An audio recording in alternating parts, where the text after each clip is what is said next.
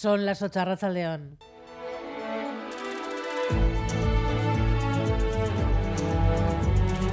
Gambara con Arancha García.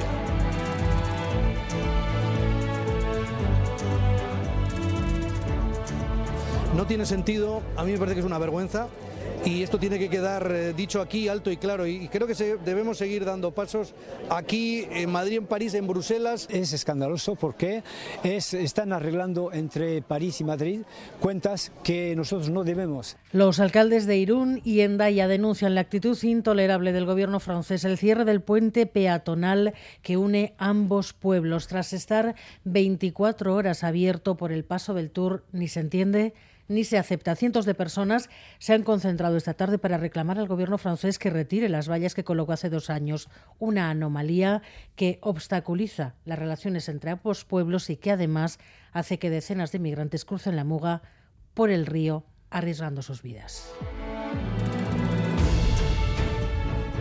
Además, otra tarde de tormentas y lluvias en una jornada sofocante. Tormenta en Iruña, que a punto ha estado de obligar a suspender los toros. Ayer, la lluvia dejó calles vacías, anuló conciertos, los fuegos artificiales. Ha habido tormentas en bastantes puntos del país. En Rada, Navarra, 600 vecinos.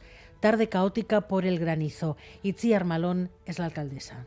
Ha empezado a caer un montón de granizo, unas bolas, pues la palma de la mano. Y, nada, pues se ha empezado, se han empezado a llenar todas las tuberías de desagüe, ha empezado a salir todo hacia arriba, eh, corrales, patios tenemos con 25 centímetros de agua, eh, el agua se ha llevado toda la corriente, se ha llevado unos contenedores del final del pueblo hacia el barranco y están ahí en el barranco. En las casas hay tejados que se han, que se han estropeado, eh, se han roto y goteras dentro de las casas, ha entrado el agua por las ventanas, por los bajos de las portaladas de los garajes.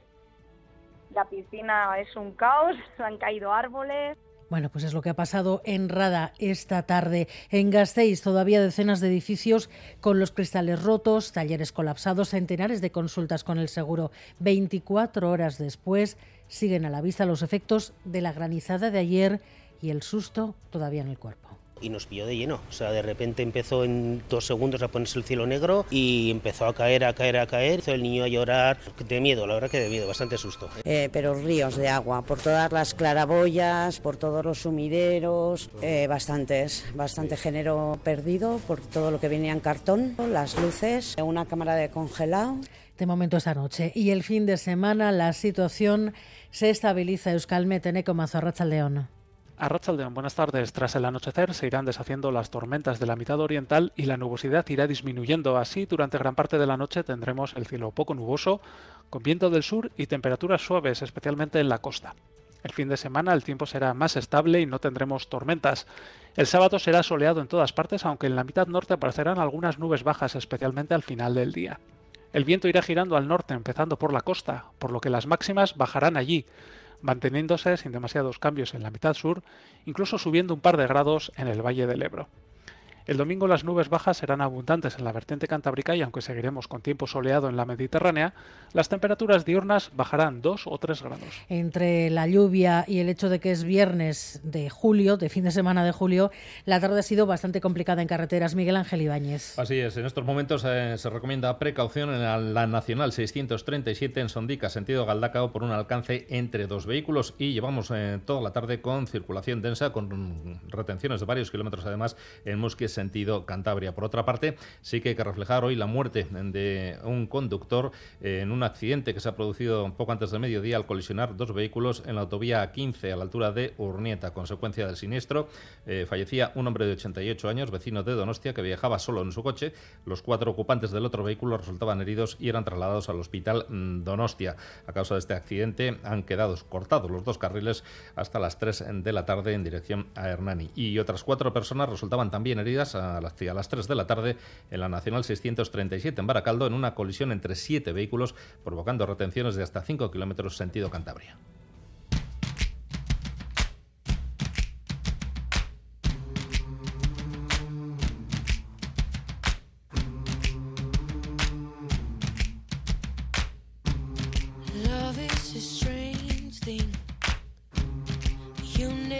Morgan, alguno de los grupos que hoy ha pasado por el BBK Live, Joseba Martín, Arracha León, ha llovido algunos charcos, pero no ha pasado de ahí y por ahí, entiendo, sigue todo fenomenal. Arracha León, Joseba. Saludos de nuevo. Pues sí, el dato más importante en este momento en Covetamendi es el, el movimiento de abanicos y paipais publicitarios con los que los asistentes al BBK Live tratan de sacudirse la gran humedad que ha dejado la tormenta que hemos tenido a primera hora de esta tarde. Es el turno, como bien decías, de la banda madrileña Morgan. Está ahora mismo despidiéndose y en formato de sexteto ha estado dando cuenta desde el escenario San Miguel de sus canciones más conocidas con una agradecida cantante y pianista, Nina de Juan, que ha repetido Esquerri Casco en numerosas ocasiones. En paralelo, también terminando el concierto de Benjar, rapero de Iruña, salido de las filas de Chill Mafia, ahora en Beefeater. Y en cinco minutos, dos propuestas completamente diferentes. El trap latino del argentino Duki, toda una estrella del género que ha pasado, como no, por las manos del productor de moda, Bizarrap. Y el blues del Sahel, del grupo Tuareg Tinariwen, un ejemplo de reivindicación social y política que nos llega desde el desierto. Es todo desde Covetamendi, música de Morgan, cielo casi despejado, mucha humedad y 31 grados. Miguel Ortiz y Raúl González están en la dirección técnica. Comenzamos.